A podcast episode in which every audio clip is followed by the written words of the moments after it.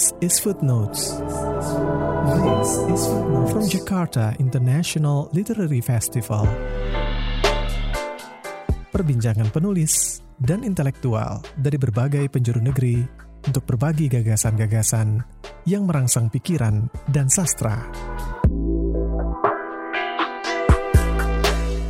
This is Footnotes. Halo semuanya, selamat datang kembali ke Footnotes from JELF, sebuah rangkaian podcast menuju Jakarta International Literary Festival 2021. Masih dengan tema Heroes, Remaking History.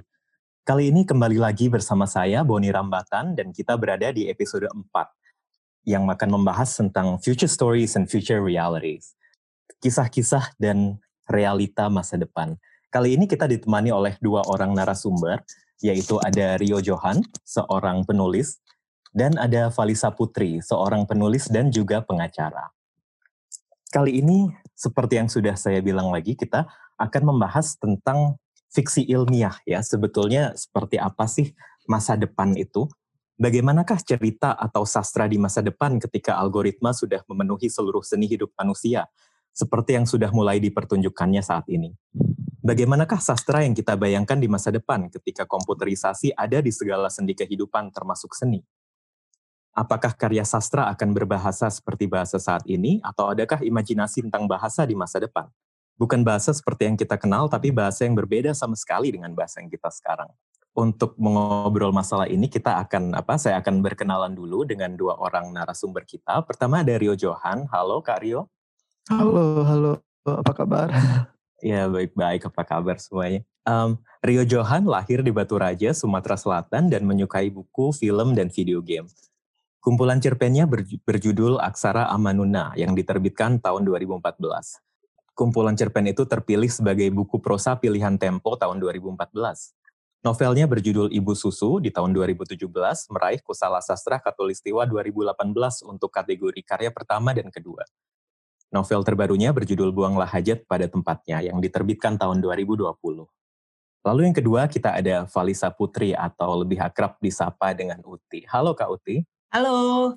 Kak Uti ini adalah pengacara dan penulis. Ia lahir di Palembang pada tahun 89. Kini ia tinggal di Jakarta. Pada tahun 2014, Uti mendirikan Klik Konsul, firma hukum dan bisnis di bidang hiburan.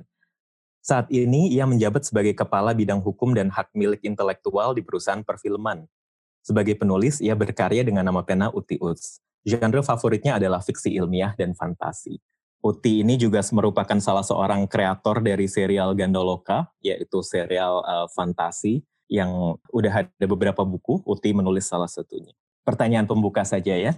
Jadi gimana sih menurut Rio dan Uti sendiri itu pandangannya terhadap fiksi ilmiah sebagai sebuah apa bentuk kesusastraan di Indonesia itu seperti apa? Secara umum seperti apa dan sekarang itu penerimaannya kira-kira kalau kita membahas sastra Indonesia kan pasti masih jarang sekali ya fiksi ilmiah itu bagaimana tanggapan Kak Rio dan Kak Uti? Sebagai penggemar fiksi ilmiah, kayaknya exposure pertama aku uh, produksi-produksi Hollywood deh. Karena dulu papaku juga suka nonton aku nggak inget apakah waktu masih kecil aku pernah ketemu sama karya tulis science fiction. Kayaknya aku masih lebih banyak nemunya di manga. Cuman memang ada sih waktu itu sempat masanya aku mau coba ah, cari gitu science fiction di di mhm. karya-karya fiksi Indonesia ada nggak? Uh-huh. Akhirnya ada sih nemu satu dua uh, dikit banget itu tuh yang nerbitin Mizan Fantasi. Okay. Um, terus sekalinya aku nemu ada yang dedicated gitu kan antologi uh, yeah. fiksi ilmiah Indonesia. Ternyata yang bikin tuh komunitas treki Indonesia. Right. uh, jadi mereka self publish. Tapi di luar itu aku juga belum lihat science fiction um, cukup populer sih uh, di di di pembaca Indonesia, apalagi di penulis Indonesia. Dulu sebetulnya ya sedikit apa uh, sedikit contekan sedikit bocoran aja dulu sebetulnya apa uh, Uti dan saya sendiri ini pernah bikin semacam komunitas sci-fi kecil-kecilan sih sebetulnya. Jadi namanya Serana 42. Mungkin nanti kita bakal bahas ke sana dulu. Tapi sebelum itu ke Kak Rio dulu deh. Gimana apa uh, menurut Kak Rio ini pertama kali bersinggungan dengan fiksi ilmiah bagaimana dan terus bisa diceritakan aja langsung mungkin. Sebetulnya dari kecil aku memang suka cerita-cerita dongeng fantasi gitu. Jadi alih-alih baca cerita realistis, cerita lokalitas, um, atau cerita-cerita tentang yang dekat dengan keseharian gitu ya aktualitas gitu itu kan yang banyak di sastra Indonesia ketika itu dan sampai sekarang pun masih begitu aku lebih banyak baca dongeng um, dari dongeng itu kan sebetulnya bentuknya ya nggak nggak jauh premisnya nggak nggak jauh dari fiksi ilmiah kan kan fiksi ilmiah kan bisa dibilang dongengan yang lebih mutakhir gitu tentang masa depan atau teknologi. Um, ketika mulai agak besar aku mulai baca fantasi kayak um, Narnia itu novel yang pertama kali aku berhasil habiskan. Dan perkenalanku pertama dengan fiksi ilmiah sebetulnya aku udah mulai agak agak tua sih aku baca karya Philip K. Dick dan aku suka. Dan sampai sekarang dan dan satu fiksi ilmiah yang betul-betul bikin aku pengen nulis fiksi ilmiah yang kayak kayak yang dia tulis itu karangannya Stanislav Lem. Itu pengarang Polandia. Um, hmm. terutama bukunya judulnya Cyberiat kalau ada orang Indonesia yang bilang kayak fiksi ilmiah tuh nggak bisa jadi sastra gitu nggak bisa dianggap sastra. Nggak bisa punya pencapaian bahasa kayak sastra itu aku sodorin mulutnya sama Cyberiatnya Stanislav Lem tuh nih baca gitu pokoknya. Sebetulnya ya kalau di Indonesia sendiri posisi fiksi ilmiah ya memang uh, kayak yang dibilang kau tadi ya nggak banyak, nggak nggak populer di di belum populer mungkin ya di kala di karena kita nggak punya tradisi ilmiah dari awal. Um, kita kan ter, ter, ter, ter, terikat sama pakem sastra dunia ketiga gitu. Pengarang-pengarang sastra kita ya menulis-nulisnya yang genosida aktualitas gitu, yang politik, sosial dan ya ini bukan hal buruk sih tapi kalau kita ngomong soal fiksi ilmiah ya fiksi ilmiah nggak punya tempat di tengah topik-topik ini sebenarnya um, zaman zaman zaman dulu kayaknya ada ada mungkin ada mungkin ada yang kenal Pak Joko Lelono ya. dia kan nulis fiksi ilmiah ya. dia dari tahun 80-an ya. tapi kan dia nggak pernah dianggap karya nggak nggak nggak pernah dianggap sastrawi gitu nggak pernah dibicarakan dengan da, dalam koridor yang sama dengan karya-karya lain Kunto Wijoyo misalnya atau ya karena dia nulis fiksi ilmiah dan kayaknya nggak penting-penting amat sih kayak mungkin menurut orang zaman itu nggak penting-penting banget sih ngomongin soal petualangan luar angkasa gitu. Lebih penting ngomongin petani yang berjuang untuk ya sayangnya sih okay. itu sih. Bandingin okay. misalnya kayak Soviet tahun 70-an kan um, realitas mereka kan ketika itu kan orang-orang berebut ke bulan ya. Dan hmm, fiksi ilmiah sesuai dengan realitas negara mereka. Jadi banyak pengarang menulis tentang perjalanan ke bulan, keluar angkasa di Soviet zaman itu. Tapi tapi bukannya bukannya di apa di karya-karya fiksi ilmiah sendiri itu sering dibahas gitu masalah-masalah isu-isu yang politik seperti itu. Gimana? Uh, kalau misalnya oke okay, kembali ke Auti, ke Kauti deh. Menurut Kauti sendiri saya luas perluas sedikit pertanyaannya. Fungsi fiksi ilmiah untuk menanggapi isu-isu sosial semacam itu bagaimana di mata Kauti? Kalau sebagai penikmat fiksi ilmiah sih dan kebetulan aku juga sempat uh, nerbitin satu cerpen masih hitungannya harusnya masih fiksi ilmiah. Uh, aku merasa fiksi ilmiah itu justru suatu medium yang memberikan aku rasa dan jarak aman untuk membahas sesuatu yang sangat penting atau bahkan mungkin cenderung sensitif. Karena kadang kalau misalkan kita nulis sesuatu yang um, drama gitu terus kemudian settingnya realistis apalah segala macam kita terlalu dekat gitu kan sama isunya. Jadi uh, gimana ya? Mungkin mungkin sulit untuk untuk untuk mengeksplor itu secara lebih objektif kali. Tapi pada saat kita balut itu dalam sebuah bentuk fiksi ilmiah ngebahasnya tuh lebih enak gitu karena kemungkinannya tuh jadi banyak. Dan karena world buildingnya bisa lebih liar kemungkinannya itu juga bisa lebih macam-macam jadi eksplorasinya juga bisa lebih luas dan dan itu possible di di fiksi ilmiah dan itu yang aku suka uh, dari fiksi ilmiah. Coba kasih contoh konkret yang suka banget gitu fiksi ilmiahnya. Salah satu cerpen science fiction favorit aku itu Memories of My Mother yang nulis Ken Liu. Dia Chinese American science fiction writer. Ceritanya pendek banget, jadi ceritanya tuh adalah tentang seorang ibu yang dia sakit keras lah dan dalam berapa tahun meninggal. Tapi masalahnya dia tuh ingin melihat anaknya tumbuh besar.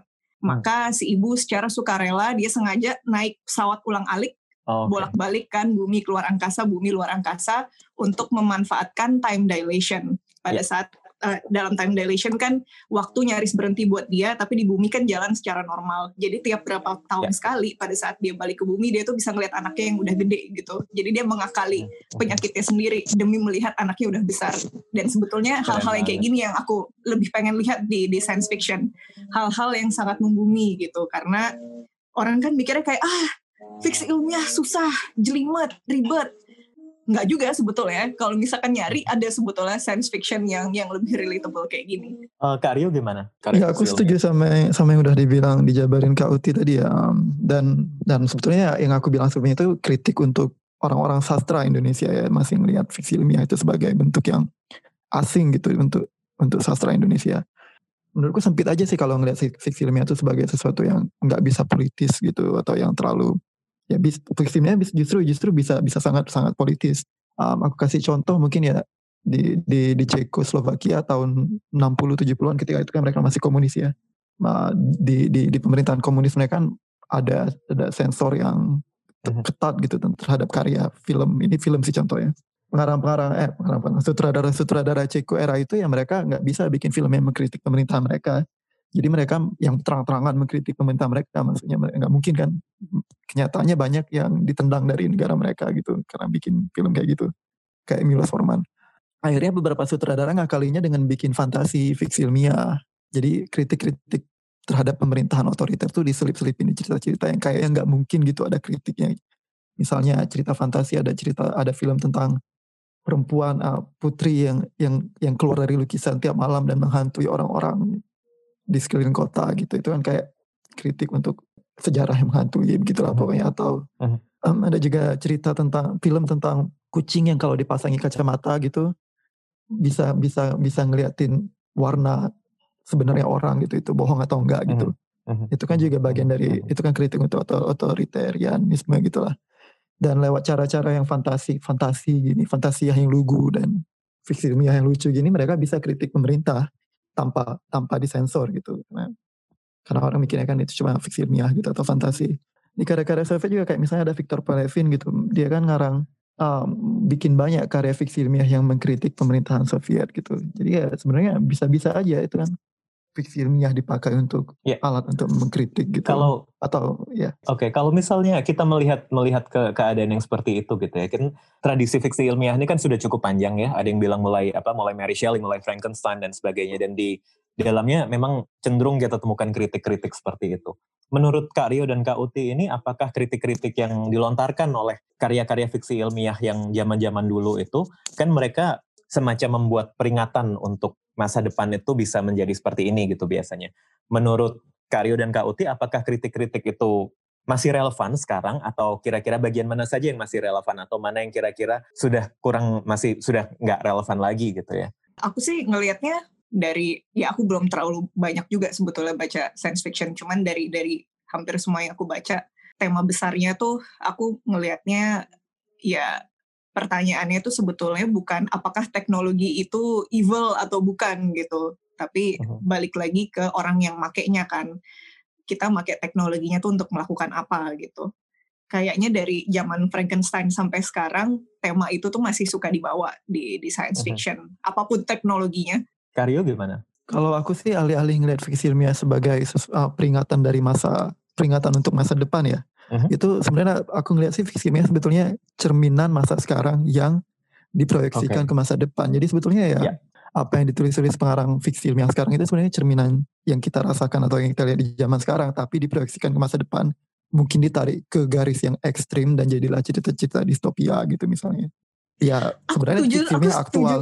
Sebenarnya fiksi ilmiah dengan dengan begitu aktual kan fiksi ilmiah sebenarnya yeah, nggak yeah. aktual dengan dengan sastra yang realis dan dan di sisi lainnya kadang aku lucu tuh ngebaca suatu science fiction yang pokoknya wah imajinasinya udah liar banget deh teknologinya udah macam-macam cuman kalau aku lihat-lihat kenapa masyarakatnya gini-gini aja ya? Kayak yeah. aku ngebayangin pada saat kita sudah tinggal di planet mana gitu kan teknologi udah luar biasa kayak apa transportasi antar planet juga udah bisa cepet banget kenapa masyarakatnya masih gini-gini aja ya?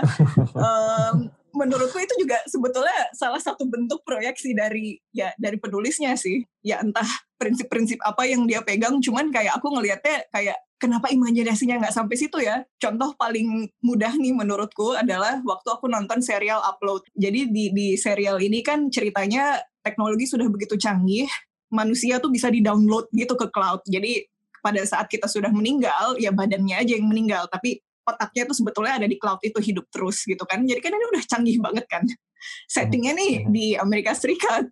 Cuman ya itu kayak oke, okay, ini tuh udah canggih banget nih teknologinya. Masyarakatnya juga udah um, wah pokoknya filosofi mengenai kehidupan dan kematian tuh juga udah canggih banget. Tapi mereka toiletnya masih tidak nge-flash pakai apa masih tidak cebok. Bingung nggak? Kalau contoh yang paling gampang nih dalam imajinasi ya. Sebenarnya contoh yang paling gampang untuk untuk ngeliat ini nih uh, kita bisa lihat dari film-film tentang petualangan luar angkasa ke bulan lah dari hmm. dari zaman ke zaman.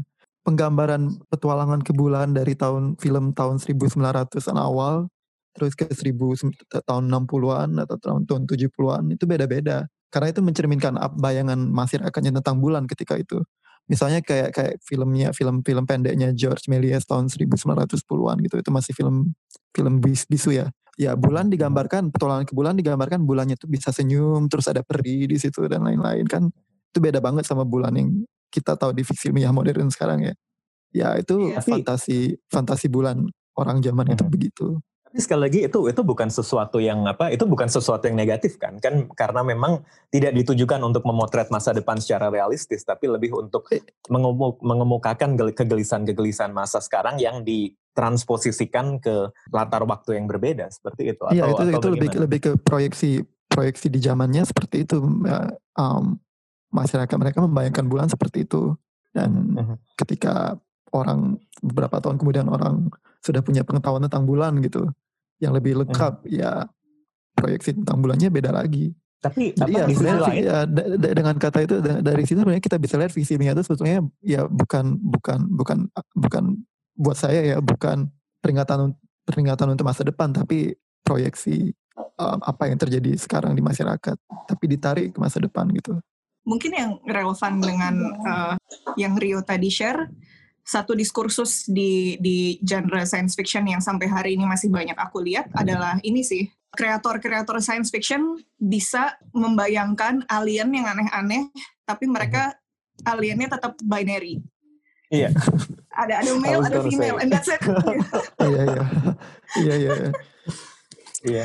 Uh, Oke, okay, enggak sebelum, sebelum itu itu itu poin yang menarik banget. Nanti kita kembali ke situ. Cuman sebelum ke situ, uh, saya mau nanya nih kalau misalnya memang mengemukakan kegelisahan-kegelisahan masa sekarang, tetapi kan kalau kita lihat fiksi ilmiah zaman sekarang gitu, katakanlah Black Mirror gitu yang yang emang udah udah populer banget. Bukannya itu juga berbicara tentang masa depan ya? Bukannya itu berbicara tentang apa ketakutan tentang bagaimana sih sebetulnya masa depan itu kalau misalnya kita tidak berhati-hati dalam mengembangkan teknologi itu bisa menjadi seperti itu. Nah, dari sisi itu bukannya kita juga bisa melihat bahwa fiksi ilmiah itu merupakan sebuah cerminan masa depan, sebuah prediksi masa depan gitu. Iya betul, bisa dibilang gitu juga. Tapi kan cerminan itu ditarik dari apa yang kita apa yang terjadi sekarang kan. Um, kayak kayak hmm. kayak hmm. episodenya Miley Cyrus gitu di Black Mirror itu kan hmm. obsesi terhadap itu kan ada di zaman sekarang tapi ditarik diproyeksikan ke masa depan dan di, di, di, di, dibuat di, diarahkan ke titik yang paling ekstrim dari premis itu. Uh nyambung gak sih maksudnya? Iya iya iya ngerti ngerti ngerti ngerti ngerti ngerti. Enggak maksudnya tadi apa namanya um, penasaran aja gitu kira-kira mm-hmm. di masa depan kan apa uh, untuk kalau misalnya kita kita berpikir apa dengan pola pikir dengan pola pikir seperti itu berarti kan kemungkinan besar masa depan itu akan berbeda dengan yang sekarang dipotret oleh oleh fiksi ilmiah. Tapi juga di sisi lain kalau misalnya kegelasan kegelisahan semacam itu masih ada berarti kan ya sebetulnya itu masih akan sangat relevan juga gitu. Jadi iya. apa jadi penasaran kira-kira di masa depan itu fiksi fiksi ilmiah seperti apa Nah, karena apa ini nyambung juga ke yang yang barusan Kak Uti bilang gitu. Apa aliennya masih ada cewek cowok masih masih binary seperti itu kan. Mungkin yang akan terjadi apa di fiksi ilmiah yang ke depannya akan jauh lebih banyak potret-potret representasi apa uh, makhluk-makhluk yang non binary kemungkinan atau bahkan manusia sendiri memang ya sudah sepatutnya apa dipotret tidak sekedar apa tidak sekedar binary pria dan wanita saja. Nah, fakta bahwa fiksi ilmiah itu masih ditunggangi berbagai macam pemikiran-pemikiran yang apa uh, yang cenderung konservatif seperti ini itu kan juga apa karena memang pola pikir fiksi ilmiah itu tidak lepas dari prasangka-prasangka tertentu gitu kan. Ini pengen ngebahas yang macam ini nih kan ada sekarang apa namanya kayak Afrofuturism atau Islamic sci-fi dan sebagainya seperti itu. Mungkin bisa diceritakan di apa diceritakan dikit kalau misalnya tahu uh, Kak Uti deh dulu sempat ngobrol dikit mengenai ini soalnya. Kalau yang aku sempat coba cari-cari itu yang Islamic sci-fi karena um, lebih lebih relatable lah sama sama latar belakang aku dan dan itu menarik sih di di suatu jurnal Islamic sci-fi yang yang sempat aku baca di kata pengantarnya dia mention kayak zaman dulu tuh masyarakat muslim tuh astronomer, saintis dan segala macam gitu kan. Jadi harusnya sci-fi banyak nih yang yang harusnya tumbuh dari masyarakat muslim tapi kenyataannya kan tidak seperti itu. Jadi dia ingin mengeksplor gitu kira-kira seperti apa sih sci-fi yang tumbuh di masyarakat muslim. Dan itu menarik sih. Salah satu cerita favorit aku aku lupa judulnya apa pilgrimage kalau nggak salah tapi aku lupa yang nulis siapa tapi uh, ceritanya ya bumi sudah tidak bisa ditinggali sehingga manusia tuh udah ke planet mana aja lah. Nah, apa karakter utamanya adalah si pasang suami istri ini yang mati-matian pergi ke bumi karena mau naik haji karena Ka'bahnya ada di bumi. Iya. Dan, iya. dan itu ceritanya amat sangat menarik. keren sih, keren, keren, keren. Karyo? Ya, kalau aku sih ngeliatnya ini um, lebih ke kayak mengaitkan fiksi hasil kawin ya, lebih kayak hasil kawin fiksi ilmiah dengan identitas politik identitas ya. Dan ini ini bukan yeah, ini iya, bukan yeah. hal yang buruk dan bukan hal yang baik sih ya. Cuma sekedar hasil perkawinan menurutku dan penting sih ya. Um, ke masalah baik, bagus atau enggaknya karyanya balik lagi ke penulisnya ya. tapi ini penting karena ya, bukan penting menarik sih ya. Karena memang kan sejak selama ini kita ngelihat visi ilmiah tuh selalu dari kacamata ke peradaban Eropa atau Amerika gitu ya kalau misalnya kita baca baca misalnya baca yeah. baca baca karya fiksi ilmiah dan kita nggak tahu ini pengarangnya siapa gitu secara buta aja lah gitu ya um, tokohnya misalnya astronot, pasti otomatis kita bakal bayangin orang kulit putih gitu ya. Mhm. Minimal gitu kan. Um, kayaknya kita nggak pernah ngebayangin misalnya di masa depan itu um, peradaban Afrika tuh kayak gimana jadinya, peradaban Iran kayak gimana jadinya, peradaban Asia kayak gimana jadinya. Ya paling Jepang gitu karena banyak pengarang Jepang ya tapi tapi kan uh, lebih banyak dibombardir oleh fiksi ilmiah Eropa gitu atau Amerika gitu tentang peradaban masa depan hasil hayalan mereka. Dan ya ini lebih ke kayak suara-suara yang muncul gitu pengen-pengen nunjukin nunjukin yang yang bukan dari Eropa atau dari Amerika yang pengen nunjukin oh hayalan saya proyeksi saya tentang peradaban saya atau kebudayaan saya di masa depannya begini gitu. Atau saya sebagai orang Afrika misalnya saya pengarang Afrika misalnya oh proyeksi saya sebagai tentang peradaban Afrika masa depan begini gitu. Jadi ya menarik sih kita lebih punya banyak suara tentang visi ilmiah gitu um, proyeksi orang Afrika, orang Islam, orang Muslim gitu hmm. atau orang Asia Tenggara hmm. tentang masa depan kan belum tentu sama dengan Eropa atau Amerika. Iya, ini juga alasannya apa uh, Black Panther juga banyak dipuji ya karena dia apa uh, unsur Afrofuturismnya kental banget di situ.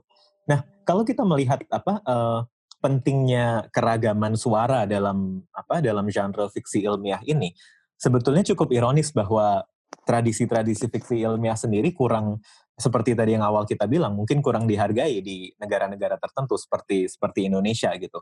Tadi Karyo sempat bilang bahwa boro-boro mikirin mikirin luar angkasa gitu kan. Jadi harusnya kan lebih tertekan oleh apa isu-isu yang langsung ada di masa sekarang sehingga tidak berpikir ke masa depan. Mungkin itu alasannya, mungkin mungkin ada ada banyak hal lain di situ gitu. Tapi menurut Karyo dan Kak Uti seberapa penting sih kita menggiatkan suara-suara apa suara-suara alternatif, suara-suara yang non Eurocentris dan tidak berpusat pada Barat dan Amerika untuk untuk ragam untuk ragam fiksi ilmiah gitu? Ataukah memang ya sebetulnya nggak apa-apa juga untuk apa kalau misalnya orang-orang kalau misalnya orang-orang negara-negara yang sedang berkembang gitu tidak ingin menulis fiksi ilmiah ya udah nggak usah digalakan nggak apa-apa. Jadi mungkin masih ada genre lain yang menjadi kekuatan mereka seperti itu. Uh, gimana nih kira-kira? Kalau aku sih tentunya aku pengen genre ini lebih diverse ya. Karena hmm. satu bosen baca yang itu itu doang. Kedua ya kalau misalkan yang terkenal yang itu itu doang aku takut orang nanti jadi menerima itu sebagai sebuah kebenaran padahal bukan. Salah satu subgenre fiksi ilmiah uh, favorit aku tuh adalah cerita-cerita zombie. Dan salah satu passion project aku adalah ngumpulin cerita zombie dari negara-negara yang non Amerika atau bahkan non Eropa. Oh. Karena aku pengen lihat gimana cara mereka menghadapi si zombinya. Soalnya tiap mhm. aku nonton produksi Amerika, entah serial, film, atau cerita, isinya tuh pasti tembak-tembakan dan bunuh-bunuhan, uh rebutan uh sumber daya alam gitu kan, yeah. terus dikerubungin zombie. Tapi ini amat sangat berbeda pada saat cerita zombinya di Asia atau bahkan di Indonesia atau bahkan di uh-huh. Cina atau di mana gitu. Masyarakat itu beda-beda banget gitu cara nanganinnya dan cerita-cerita uh-huh. yang kayak gini yang aku pengen lihat. Bisa apa bisa diceritakan nggak mungkin salah satu yang menarik atau apa yang perbedaan yang paling tajam nih yang kau ditemukan? Menurutku sih ini tuh sebetulnya nggak nggak diterjemahin. Jadi temanku ada di orang Singapura dan dia ngambil jurusan sastra dan sebagai salah satu tugas akhirnya dia bikin cerita tentang zombie ada di Singapura gitu kan. Singapura sebagai negara yang tidak bisa beli senjata dengan mudah gitu kan, tentu hmm. menghadapi zombinya ya amat sangat berbeda gitu.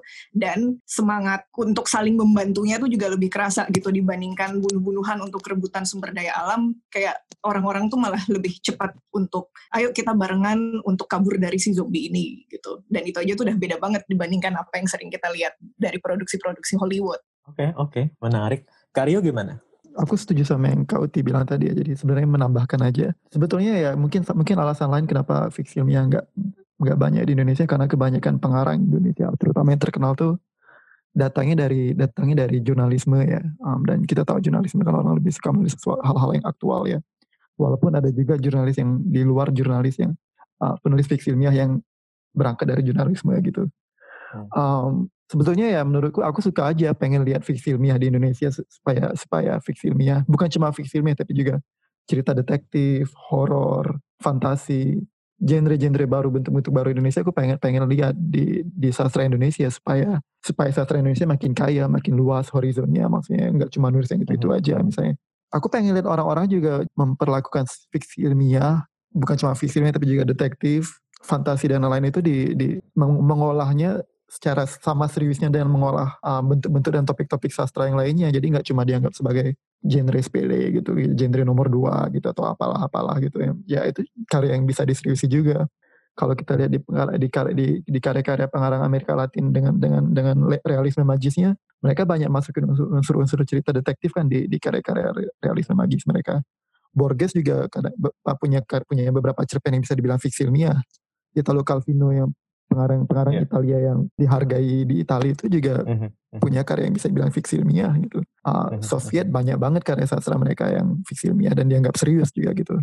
Kenapa Indonesia nggak bisa begitu misalnya maksudnya kenapa nggak bisa menulis karya lokalitas tapi dikawinkan dengan fiksi ilmiah gitu tentang petani di Sulawesi di masa depan gitu dengan teknologi teknologi teknologi barunya gitu atau gimana budaya Indonesia di masa depan gitu um, orang membatik di masa depan gitu lah kalau misalnya apa uh, misalnya saya boleh menanggapi dikit yang yang tadi itu negara-negara yang sempat disebutkan itu nggak semuanya sih. Cuman kebanyakan kebanyakan dari negara-negara yang memiliki tradisi fiksi ilmiah adalah negara-negara yang memiliki sejarah modernitas. Jadi mereka apa? Ada sejarah sastra yang sejak lama ditanggapin seperti apa, ada ada lalu ada muncul sastra modern, seni modern dan sebagainya gitu. Tapi di zaman-zaman pada saat itu apa yang seperti itu muncul di Eropa dan dan sebagainya gitu, negara-negara berkembang lainnya masih sedang mengalami apa uh, ya masih sedang dijajah gitu kan. Jadi kolonialisme ini sebetulnya seberapa berpengaruh sih terhadap terhadap apa uh, terhadap pola pikir fiksi ilmiah? Karena kalau misalnya diberikan contoh-contoh yang seperti itu jangan-jangan justru negara-negara yang kurang kurang apa uh, kurang bisa berimajinasi secara fiksi ilmiah merupakan negara-negara yang memang dulunya dijajah gitu.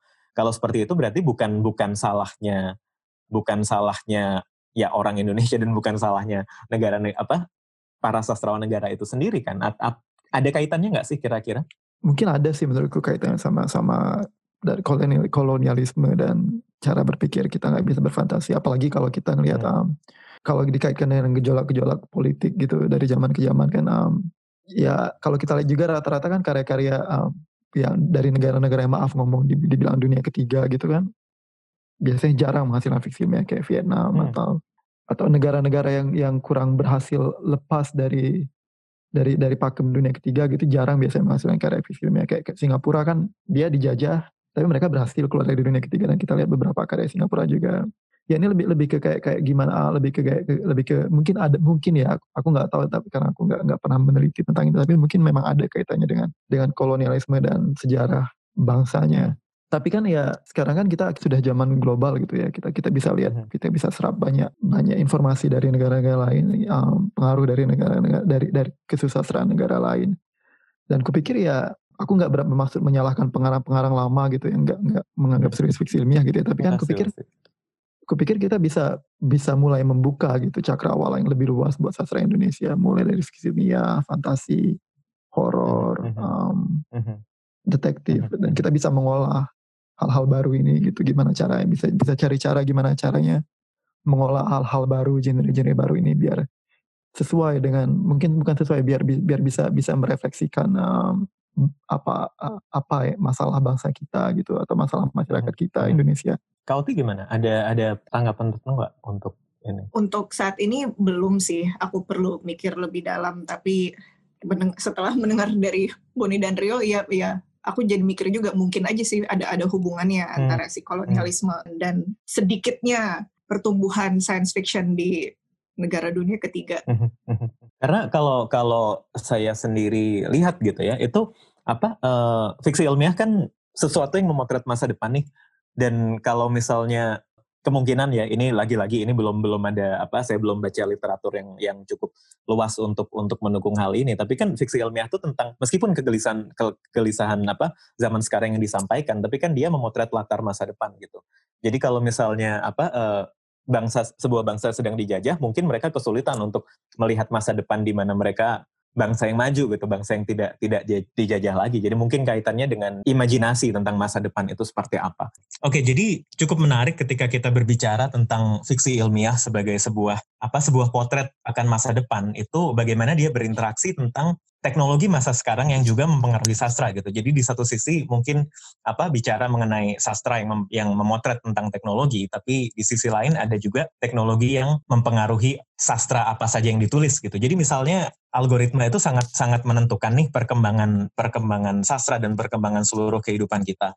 Kalau misalnya kita memang sudah sangat gencar menulis fiksi ilmiah misalnya tapi kita terbitkan di suatu tempat tapi terus uh, genre-nya apa namanya algoritmanya tidak tidak memajukan genre itu mereka lebih mengutamakan genre yang lain misalnya itu kan agak kesulitan juga gitu jadi mungkin saya pengen tanya aja sih kira-kira tanggapannya tentang apa peran dari algoritma sendiri terhadap fiksi ilmiah tapi juga terhadap dunia sastra secara umum tuh sekarang seperti apa sih? Kalau misalkan mendengar contoh yang tadi Buni bilang, algoritmanya yang memilih-milih science fictionnya, eh, genre-nya, atau orang yang bikin algoritma sebetulnya yang milih-milih. Soalnya kalau misalkan aku pribadi melihat perkembangan machine learning sekarang, aku rasa robot uprising tuh masih jauh banget gitu lah. Karena machine learning-nya tuh masih benar-benar di level amat sangat basic. I don't know, mungkin sekarang statusnya tuh machine learning-nya tuh masih learning about learning kali. Jadi menurutku itu masih jauh banget. Dan kalau misalkan melihat apa yang terjadi selama ini soal machine learning, kan banyak banget kan yang sudah eh, mengomentari, mengkritik, atau memberitakan betapa biasnya machine learning ini. Karena amat sangat bergantung sama siapa yang bikin. Mhm, Soalnya ya. siapa yang bikin mempengaruhi data apa aja yang disuapin ke mesin itu kan.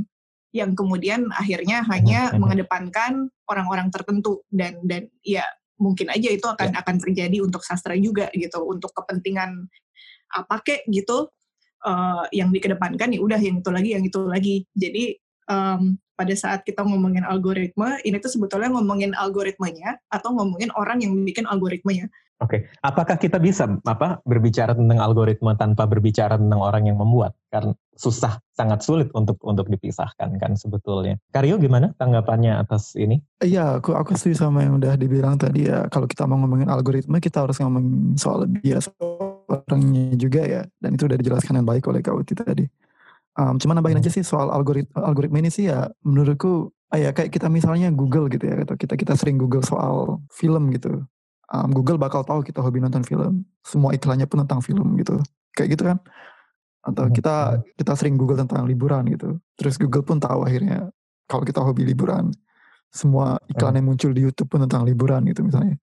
Dan dan akhirnya kita kita cuma berputar-putar di di di kesukaan yang itu itu aja dan kita nggak nggak nggak nggak nggak mau kita punya kecenderungan nggak mau lagi mencari menjelajah hal baru gitu sesuatu yang baru. Ini kritik buat algoritmenya ya kalau kritik buat orangnya kan sudah dipertanyakan Kak Uti tadi ya.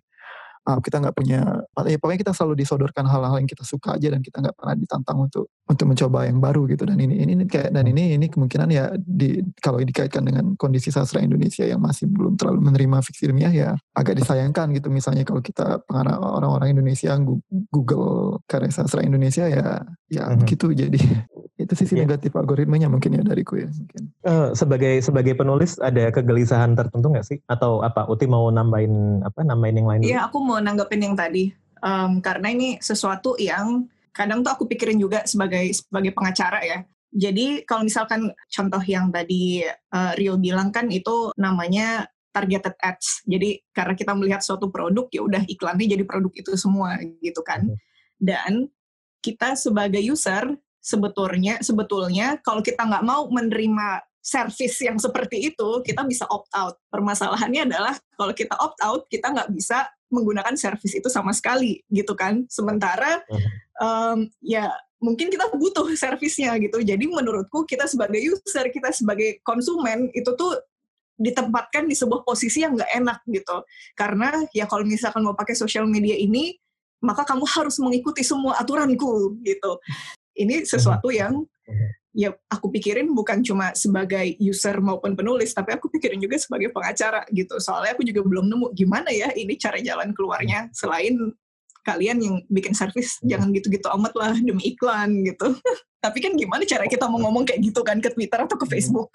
Dan lagi pula semua semua bisnis model mereka mengandalkan hal yang seperti itu, mengandalkan bahwa memang ya yang diperjualbelikan adalah apa eh, adalah perhatian kita terhadap apa iklan-iklan seperti ini gitu kan. Nah, tapi di sisi lain sebagai penulis nih ada ada nggak sih kegelisahan tertentu untuk apa atas algoritma ini gitu atau pernah nggak sih ngerasa kayak pengen banget nulis sesuatu misalnya tapi ya algoritmanya nggak mendukung kalau saya menulis genre seperti ini di situs seperti ini nggak mungkin laku gitu dan apakah itu apakah sebaiknya penulis itu kayak ya udah ngikut algoritmanya aja biar biar bisa yang penting dibaca orang atau sebetulnya ada lain ada yang lain nih yang bisa dilakukan Menurutku itu pedang bermata dua. Karena let's say misalkan uh, di platform-platform menulis biasanya hashtag romance itu yang paling rame kan, paling banyak pembacanya. Mungkin kalau aku mau dapat pembaca yang banyak, aku nulis romance. Tapi karena banyak juga yang nulis romance, gimana caranya ceritaku bisa mencuat di antara cerita romance yang lain. Tapi let's say, oke, biar ceritaku bisa langsung muncul, mungkin aku menulis hashtag yang tidak terlalu rame, misalnya fiksi ilmiah gitu kan. Jadi Hmm. mungkin kalau di fiksi ilmiah, ceritaku lebih mudah buat muncul. Tapi di sisi lain, gimana cara promosiinnya ya? Karena sedikit banget nih user yang mengunjungi hashtag ini. Aku ngeliatnya masih kayak gitu. Karyo sendiri gimana A- Aku belum pernah belum punya pengalaman menerbitkan karya di platform ya. Jadi algoritma yang aku lawan sebetulnya aku menerbitkan ak- karyaku langsung diterbitkan buku sih kalau aku ya. Jadi algoritma yang aku lawan lebih ke kayak gimana toko buku menyusun buku itu, gimana penerbitku, iya, iya, gimana penerbitku penerbitku um, mempromosikan buku itu, ya itu algoritmanya yang dilawan.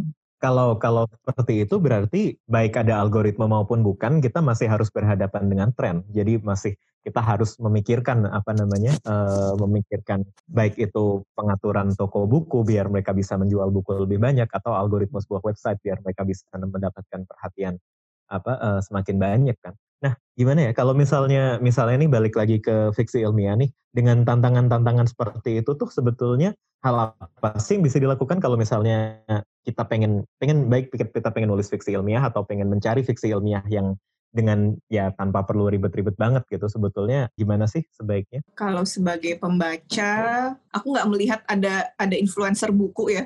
Jadi palingan Oke. yang aku lihat tuh benar-benar masih kayak top 100 best sci-fi of all time gitu. Biasanya nanti aku akan compare tuh dari list ke list buku apa aja yang biasanya masuk terus. Ya udah itu nanti yang masuk ke daftar bacaanku.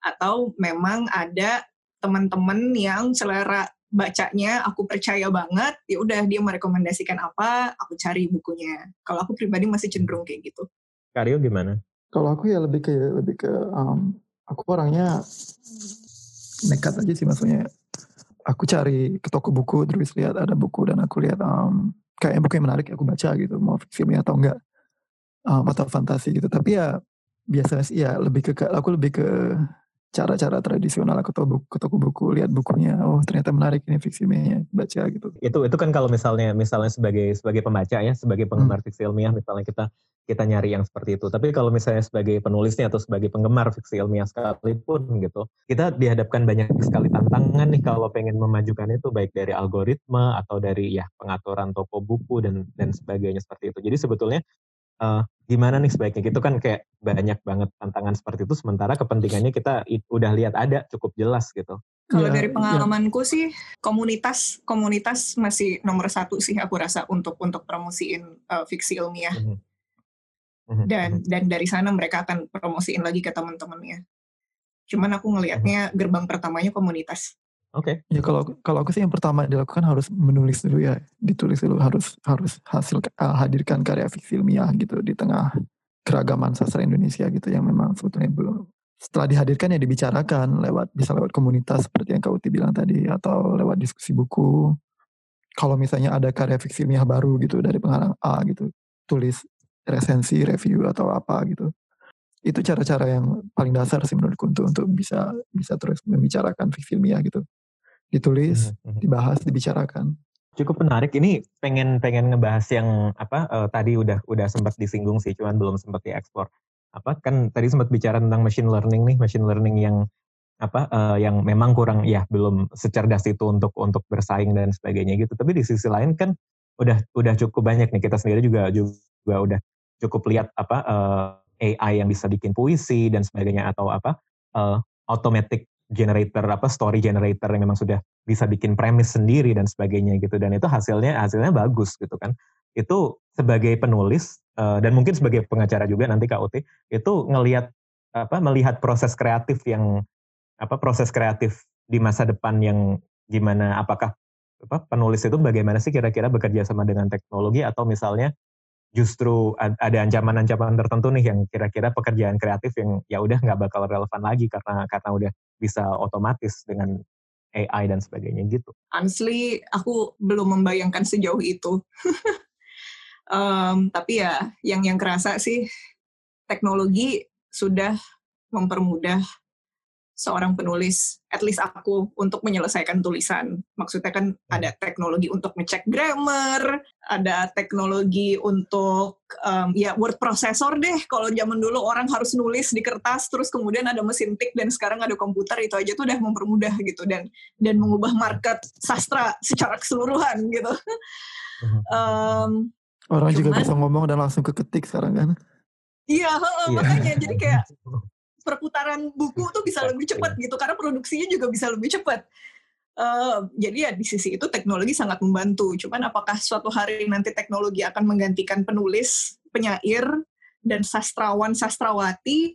Suatu hari itu kayaknya masih jauh banget karena aku beneran nggak bisa ngelihat. Soalnya aku aku ya ini ini aku perasaan pribadi doang sih. Jadi ya masih perlu dibuktikan. Aku aku aku merasa uh, komputer belum bisa meniru emosi.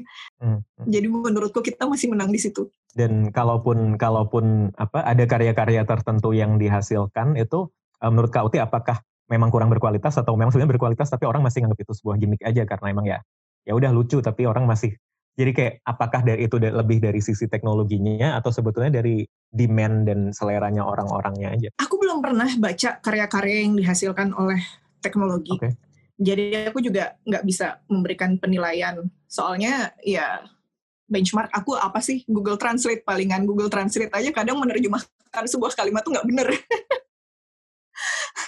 Jadi aku juga belum kebayang karya-karya yang ditulis oleh teknologi.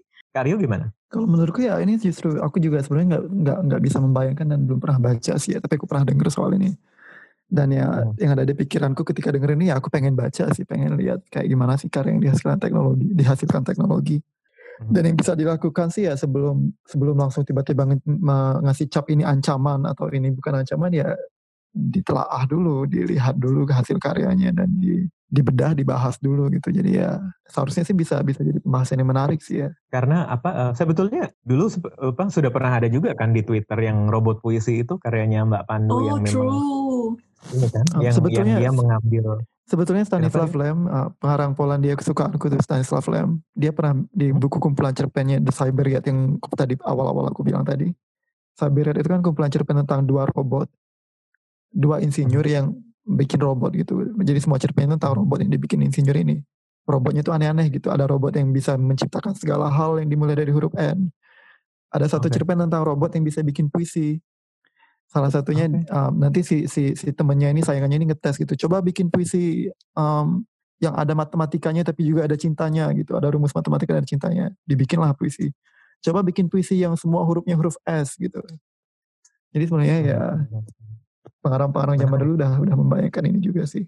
Apa oh ya tadi tadi sempat sempat dibilang yang dulu yang dulu robot di apa robot puisi sempat dibikin oleh Mbak Pandu Sastrowardoyo. Uh, dia menggarap apa artificial intelligence dan blockchain juga. Jadi puisi-puisinya Rendra di, di Rendra apa WS Rendra dibongkar dibongkar dalam artian di, ditelaah kata bahasanya dan sebagainya dan motif motifnya seperti apa lalu direkonstruksi lagi gitu dan itu cukup interaktif di Twitter bisa bisa nge-tweet ke @robotpuisi itu lalu nanti nanti beneran ditanggapin dengan dengan puisi seperti itu. Ya menurut saya itu menarik tapi ya mungkin cenderung apa uh, lama kelamaan agak gimmick juga mungkin saya nggak tahu kenapa cuman memang ya orang-orang akhirnya ya lupa aja waktu itu lucu terus rame terus terus udah kayak gitu kan Uh, aku pikir ini harusnya bisa jadi telah yang aku bilang tadi, yang kayak aku bilang tadi ini bisa jadi subjek yang menarik untuk ditelaah oleh sastrawan hmm. dan hmm, hmm. baik itu oleh sastrawan maupun um, insinyur-insinyur atau atau atau penemu penemu penemu teknologi gitu ya.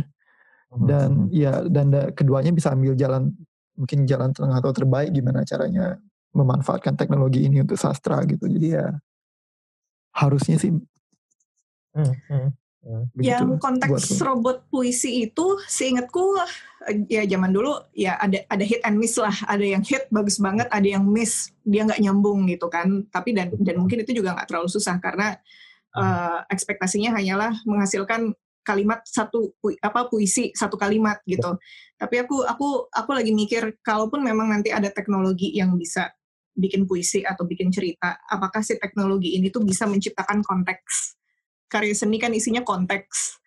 Dan nah, emosi apakah, juga ya. Iya, apakah teknologi bisa sampai situ? Itu yang aku belum kebayang. Karena apa ya? Uh, sebenarnya emosi juga juga itu sedang banyak di apa sedang banyak diperbincangkan kan sebetulnya. Emosi kan sebenarnya bisa bisa muncul oleh rangkaian-rangkaian kata tertentu dan mungkin apa melewati Turing test. Jadi orang kalau ditunjukin itu orang sadar apa enggak sih kalau itu bikinannya robot dan sebagainya kayak gitu. gitu. Jadi memang perdebatannya uh, saya rasa masih masih cukup masih cukup kaya dan masih cukup menarik sih apa hingga saat ini. Selain puisi juga mungkin kalau misalnya menulis satu novel penuh, saya nggak tahu udah udah ada yang bikin apa belum, tapi kalau misalnya naskah udah lumayan banyak ya kayak di Twitter sempat viral gitu karena kacau banget hasilnya bukan bukan bukan dikagumi karena bagus tapi karena ya ngaco banget gitu kan. Uh, meme itu udah jelas ada ada AI generatornya jadi bikin meme tertentu itu juga hit and miss tapi akhirnya memang malah jadi ya lucu-lucuan aja gitu kan. Tapi apa di sisi lain kita jadi melihat bahwa uh, mungkin banyak apa uh, mungkin banyak hal yang memang seolah-olah gitu kita kita kagumi terhadap ini manusiawi banget karena emosinya dapat karena ini dapat. Tapi setelah ditelaah lebih jauh itu masalah struktur aja ternyata kalau misalnya uh, seperti musik deh gitu ternyata kalau misalnya kunci ini resolve ke sini pasti nanti jadinya itu musik yang yang menimbulkan emosi-emosi semacam ini gitu kan. Dan sementara apa? Dan sementara itu di sisi lain juga ya cerita juga juga mirip kayak gitu gitu kan premis-premis tertentu ada strukturnya cerita itu kalau misalnya bikin film itu ada apa ada tiga babak ada delapan sequence dan sebagainya seperti itu gitu. Nah menurut saya menarik sih kalau misalnya kita membahas ini tapi yang yang perlu ditelaah lebih jauh juga tadi yang sempat sempat disinggung itu kan algoritma tidak lepas dari pertanyaan siapa yang sebetulnya membuat algoritma itu, menulis algoritma itu. Jadi kalau misalnya pun nanti di suatu saat kita menggunakan karya-karya apa menggunakan apa eh, perangkat-perangkat tertentu untuk membuat suatu karya gitu atau bekerja sama dengan AI tertentu untuk membuat suatu karya gitu mungkin perlu masih perlu ditelaah lagi yang membuat siapa dan sebagainya. Sebenarnya sejauh apa sih kita wajib untuk mengkritisi teknologi yang terlibat dalam karya sastra ini menurutku bahkan nggak nggak cuma soal sastra sih teknologi in general ya harus di, di dikritisi hmm. gitu dari dulu kan isu aksesibilitas kan adalah sesuatu yang udah sering dikritik um, oke okay, hmm. teknologi canggih banget tapi kenapa orang tertentu kok makainya susah gitu atau orang tertentu hmm. bahkan hmm. tidak bisa menikmati teknologi itu itu aja tuh kritiknya sampai sekarang nggak selesai selesai itu terus kalau misalkan ngomongin yang si uh, machine learning tadi aku ngebayangin ya kalau misalkan memang sebuah teknologi berhasil mengumpulkan data points yang amat sangat banyak, mungkin aja sih akhirnya akan muncul sebuah mesin yang cukup cerdas. Tapi kan untuk sampai ke titik itu butuh waktu dan modal dan hmm. infrastruktur. Dan kalau melihat keadaan sekarang ya kayak startup mana yang mampu bertahan selama itu gitu. Kalau misalkan nggak hmm. ada campur tangan pemerintah gitu kan. Uh, Karyo? Ya, kalau aku saksi, aku sih mau mengomentari bagian bagian um, si pembuat algoritmanya. Misalnya kalau misalnya nanti ada teknologi dengan algoritma atau yang pembuatannya menggunakan sudut pandang Eropa gitu atau atau ya kayak kayak filmnya sendiri lah itu kan itu kan alat yang di sebenarnya alat yang lahirnya di Eropa katakanlah ya mungkin ya. Yang kalau kita tahu dari Jules Verne dan lain-lain dan, dan Semarak di Eropa. Mungkin akhirnya nggak di Eropa tapi Semarak Semerbak di Eropa.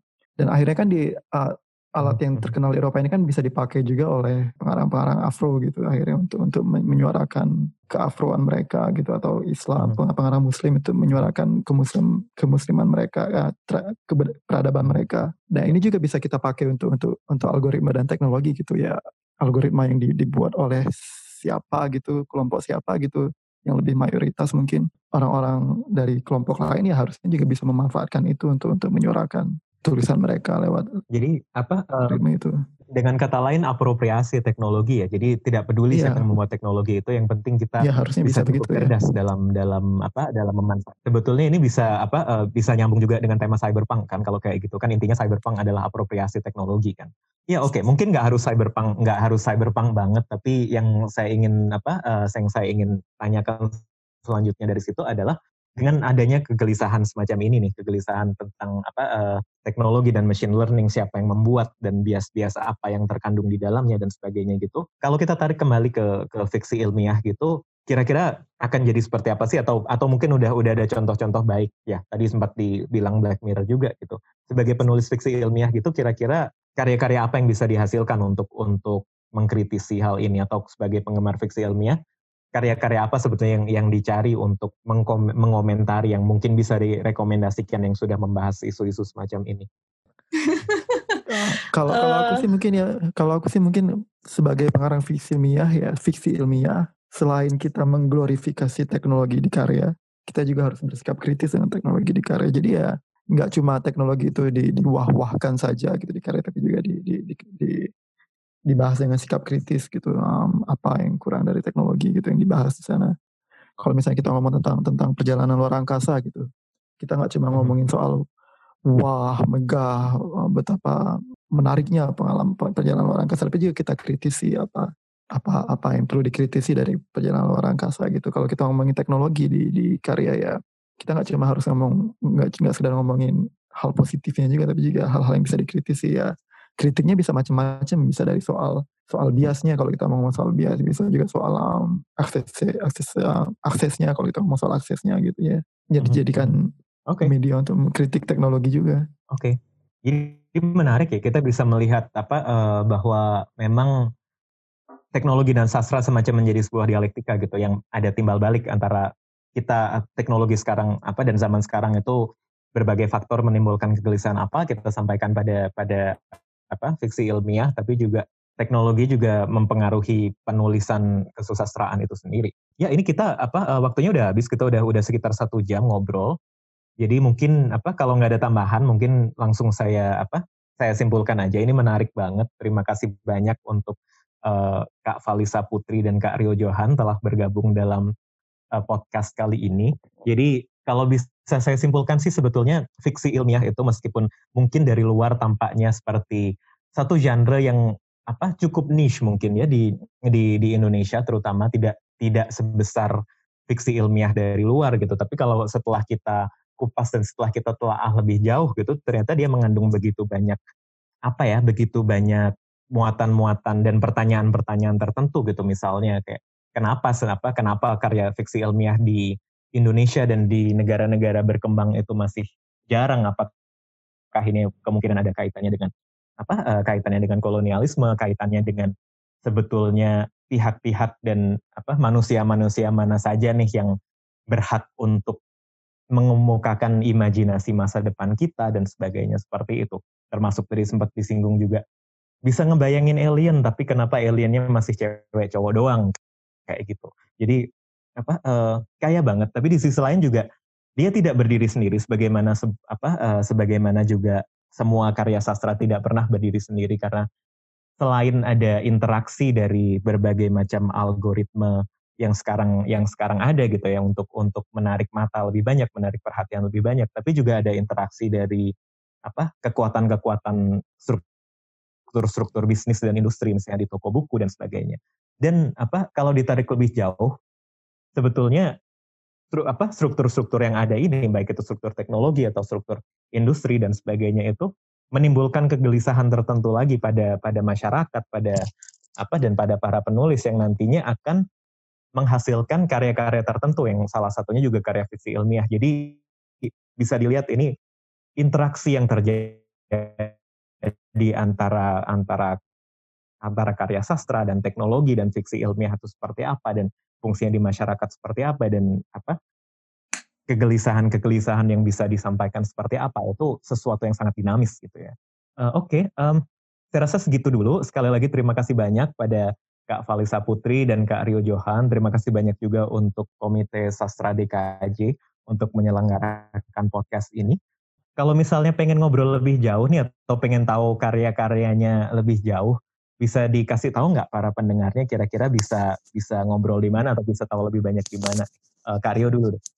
Um, bisa lewat Twitterku Rio Johan itu digabung atau Instagram juga bisa Rio Johan.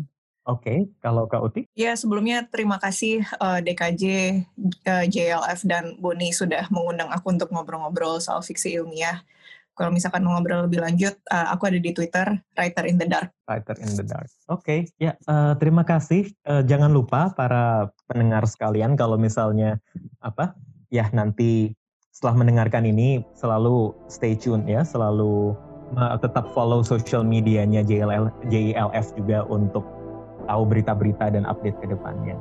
Oke, okay, terima kasih banyak dan sampai jumpa di episode Footnotes from JLF selanjutnya.